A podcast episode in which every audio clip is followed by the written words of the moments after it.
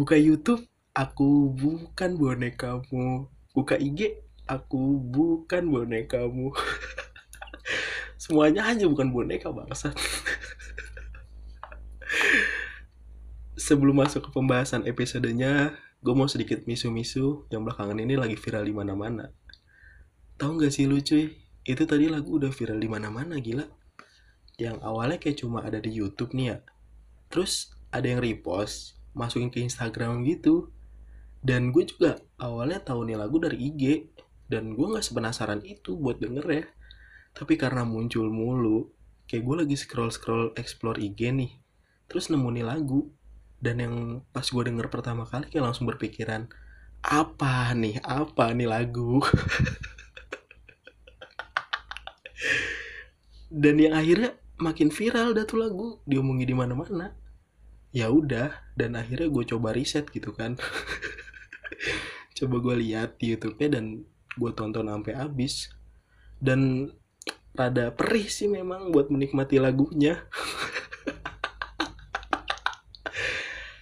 Dan btw gue udah nonton video klip itu sebanyak dua kali. Yang pertama karena gue penasaran dan yang kedua karena gue bingung kenapa gue penasaran gitu tapi gue sama sekali nggak masalah gitu loh sama lagu yang dia buat. Karena es karya doang gitu. Yang walaupun terlalu wadaw wadaw. Karena menurut gue sebuah karya itu bisa dikritik gitu. Dan kita bisa bebas berpendapat apa aja gitu buat karya yang dia buatnya.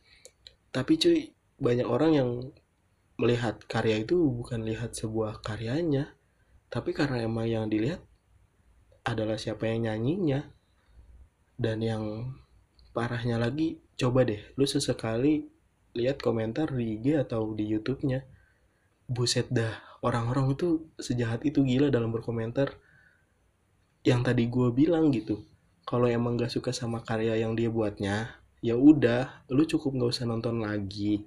Dan cukup kritik karyanya semisal lu mau kritik sebuah karyanya bukan orangnya ya karyanya.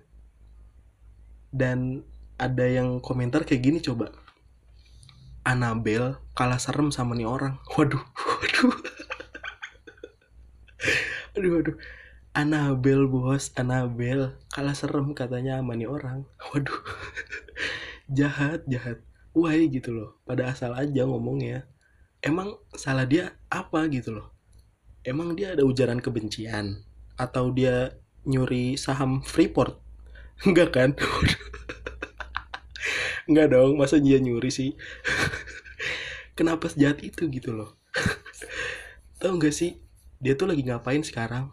Dia tuh lagi guling-gulingan sambil makan pentol nikmatin duit hasil video YouTube-nya. Yang sekarang udah nyentuh angka 14 juta view cuy. Trending satu gila di saat gue lagi tapping podcast ini dan orang-orang yang bully dia sekarang gimana? Ya udah cuma jadi mas-mas atau mbak-mbak tukang bully aja nggak kaya.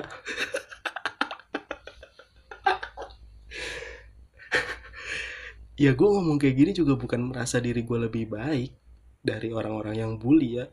Gue juga kadang masih suka asal tapi nggak sefrontal orang-orang ini gitu. Kejam kejam udahlah ya mungkin segitu aja misu-misu gue sebelum masuk ke pembahasan episode kali ini. Kalau kata gue jangan karena kita semua dari segi fisik lebih baik dari orang lain kita bisa bully orang lain gitu. Karena kita nggak lebih baik dari orang itu. Dia udah buat sesuatu nih lalu kita ini berlaku untuk siapa pun itu di luar sana. Kadang orang sekarang lupa bagaimana caranya memanusiakan manusia Pokok, pokoknya itulah ya. Episode kali ini episode pertama. Dan gue bawakan dari awal bulan Juni 2020 pembahasannya adalah tentang mari bercerita. Gue Iqbal inilah asal-asalan podcast. Yeah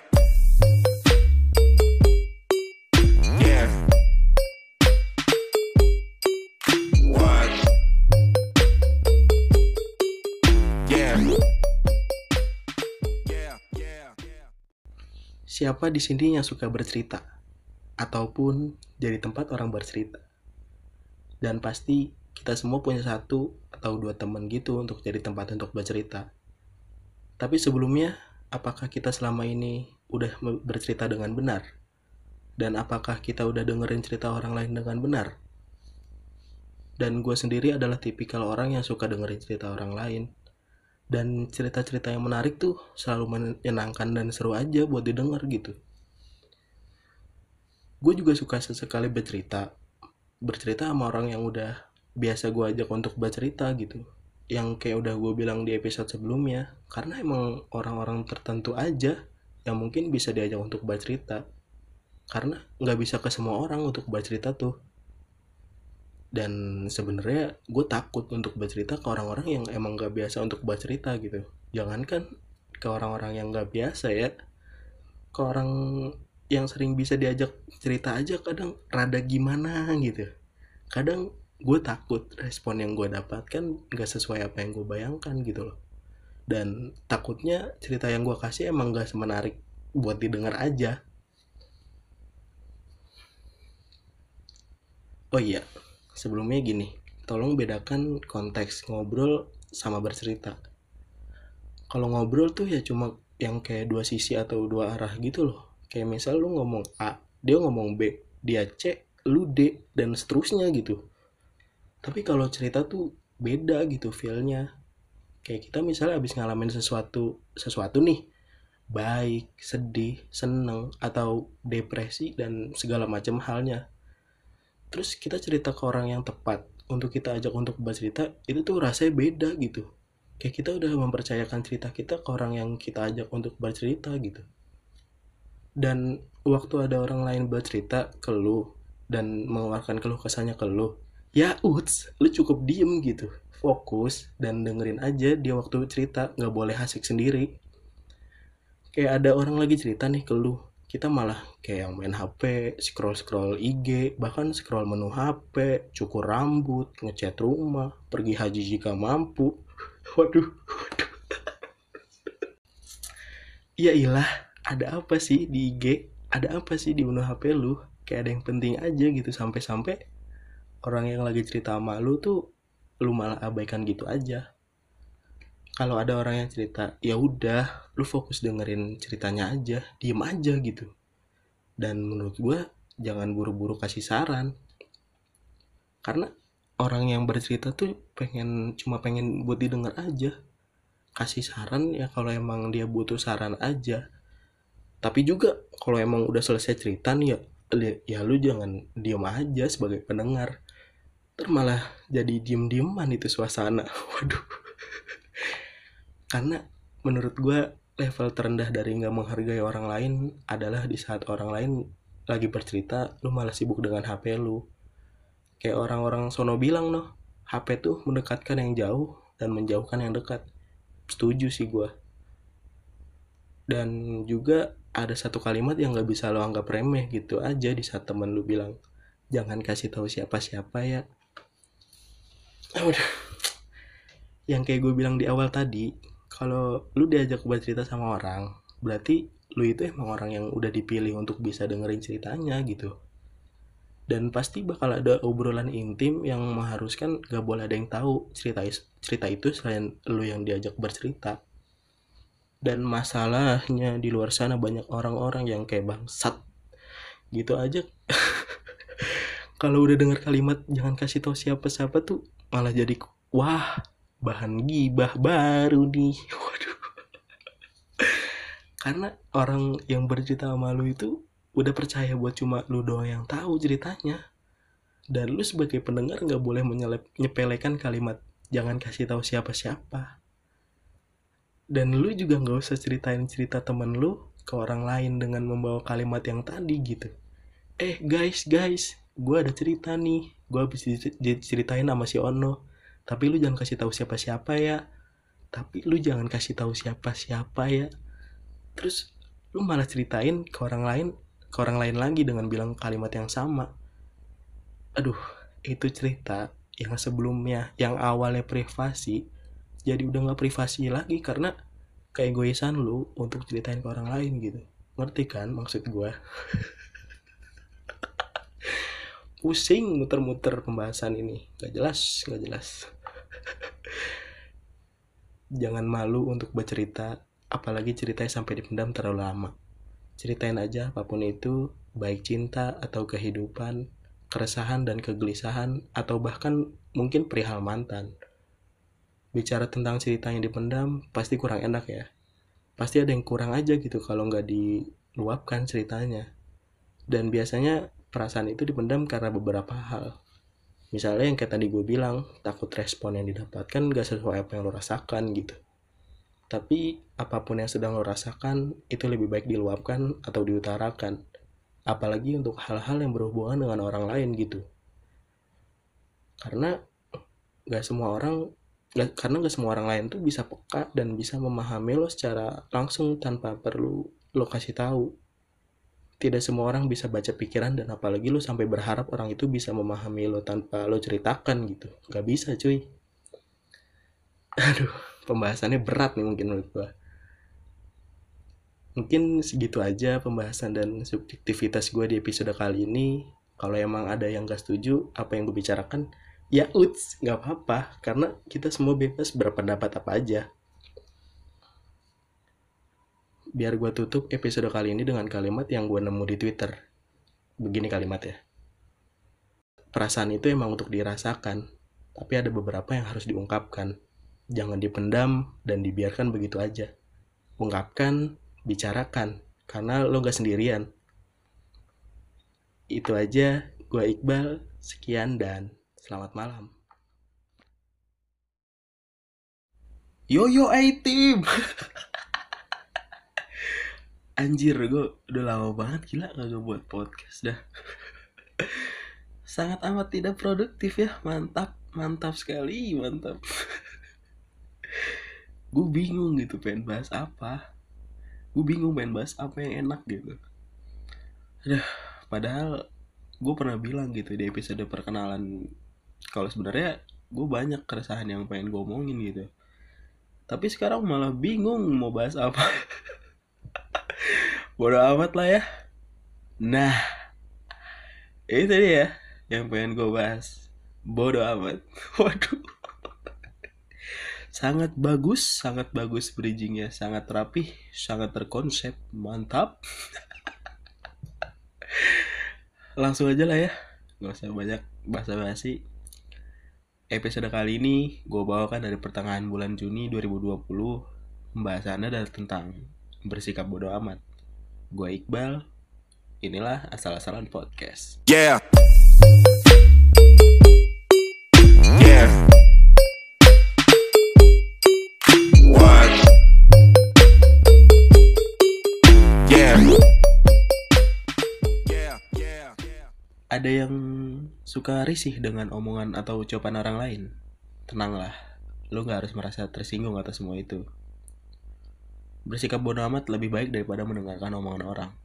Selama apa yang lo lakukan itu baik dan benar. Tapi gini-gini, sebelum gue bahas bersikap bagaimana bersikap bodoh amat, gue mau bahas sedikit nih insecure, insecure terlebih dahulu. Tapi menurut pandangan gue ya, karena insecure itu menurut gue berkaitan sama dengan kita bagaimana bersikap bodoh amat gitu. Dan sekali lagi ini dari pandangan gue ya jadi insecure itu uh, kayak dia terlalu mikirin kata-kata orang gitu. Jadi kayak menurut dia tuh semua perkataan orang adalah yang segalanya gitu. Dan itu tuh yang insecure yang udah akut ya yang udah akut banget gitu. Tapi kalau insecure yang kayak masih misalkan lu pakai baju ini terus ada yang komen ah baju lu jelek nggak pantes. Terus tiba-tiba lu langsung ganti baju gitu. Terus abis ganti baju lu keluar lagi kan? Tapi abis itu masih ada aja yang komen gitu. Terus lu ganti baju lagi. Nah itu tuh lu nggak mau dipandang buruk sama orang lain dengan cara berpakaian lu kayak gitu. Tapi kan pada hakikatnya ya kita tuh pasti ada aja yang gak suka sama kita. Ada yang suka ada yang enggak gitu ya kan. Apa ya contohnya biar relate gitu. Gampang didengar ya apa ya? Hmm, oh oke. Okay. misal gue ambil contoh dari diri gue sendiri ya. Misal gini. Jadi kayak misalkan gue sekarang buat podcast nih ya. Terus kayak ada yang ngomongin gue siapa pun itu dah kayak ngomong apaan sih lu buat podcast? So asik banget hidupnya apaan sih lu bikin podcast? Kayak kayak gitu so-soan bet hidupnya. So paling bener lu. Gak lucu bego podcast lu. Gak usah so-soan ngejokes deh gitu. Gitu ya. Eh bangsat. Gue hidup bukan buat bikin lu bahagia anjir. Dan sikap gue gimana? Ya udah gue harus bodoh bodoh amat akan hal itu gitu. Toh dia orang nggak nggak kenapa-napa kan. Emang ada gitu orang habis dengar podcast gue nih ya. Habis orang habis dengar podcast gue nih. Eh pas sudah kelar dengar podcast tiba-tiba kupingnya copot. Atau tiba atau tiba-tiba kuping kanan pindah ke kiri kuping kiri pindah ke kanan. Enggak dong, enggak kan? Jadi kayak ada satu kalimat yang pernah gue baca dari mana gitu, apa gue denger ya? Lupa deh, gue lupa pokoknya. Pokoknya kalimatnya kayak gini, klise banget sih buat didengar. Tapi ini bener banget gitu menurut gue dan gue suka aja. Kalimatnya begini, lu gak punya cukup tangan buat nutup mulut banyak orang, tetapi lu punya cukup tangan buat tutup kuping lu ya ya udah kalau emang ada yang gak suka sama lu ya uts gitu ya uts toh pasti ada aja yang gak suka sama lu sekalipun lu ngelakuin hal baik pun pasti ada aja yang gak suka sama lu. Jadi gimana cara buat bersikap bodoh amat tuh sebenarnya dari mindset kita sendiri gitu. Kalau mindset kita udah kayak menjadikan semua perkata orang itu segalanya menurut gue itu salah gitu. Jadi kalau kata gue ya biar bodoh amat akan hal-hal kayak gitu. Yang pertama sekali lagi ini pandangan gue subjektif. Lu mau ngikutin ya uts enggak ya uts gitu. Yang pertama. Nih ya coba pikirin dulu nih. Ya pikirin dulu pikirin dulu. Yang ngomong kayak gitu tuh berpengaruh gak sih di hidup lu? Kalau emang berpengaruh ya udah ambil yang baiknya dari perkataannya. Kalau nggak ada faedahnya tuh omongan ya udah nggak usah didengar gitu. Nah kalau dia mengkritik mengkritik nih tapi mengkritik dengan saran oke okay nih bisa kita terima perkataannya tapi jangan lu telan semua semua semuanya perkataan itu jadikan itu masukan supaya kita bisa lebih baik lagi ke depannya ya nggak misal ada yang kritik gua oi bal podcast lu pembahasannya enak didengar, tapi kalau kata gua, biar lebih bagus lagi, lu kembangin dari segi audionya, biar lebih adem suaranya. Nah, ini baru gue setuju, karena kritiknya didasari oleh saran yang membangun buat gua ke depannya. Ya kan? Nah, ada juga semisal yang kritik tanpa saran. Misal kritiknya gini, Oh Ibal, podcast lu jelek, lu jelek. Waduh kenapa jujur sekali nah yang kayak gini nih halal untuk jadi tampol bangsat juga nih orang enggak enggak misal kritiknya yang kayak tadi udah gue bahas di awal yang kayak bal podcast lu jelek pembahasan lu juga apaan sih nggak jelas. Nah ini orang yang kalau sekolah cuma sampai salim doang nih yang kayak mah berangkat sekolah ya. Terus habis itu salim udah tuh udah sampai salim doang nggak tahu ke mana tuh orang. Entah ke warnet ke rental PS atau ke ke Dufan gak tahu. Waduh ya udah omongan yang kayak gitu gak usah didengar gitu. Kalau kata orang Bekasi mah bagenin aja napa antepin bagenin dah bagenin. Dan yang kedua bersikap bodoh amat menurut gue lu harus lihat dulu apa yang lu lakuin berpengaruh nggak di hidup mereka. Kan kalau yang pertama berpengaruh nggak di hidup lu. Nah kalau yang ini kan kalau kalau ini kan apa yang lu lakuin berpengaruh nggak di hidup mereka? Ngerti nggak sih? Muter-muter ya.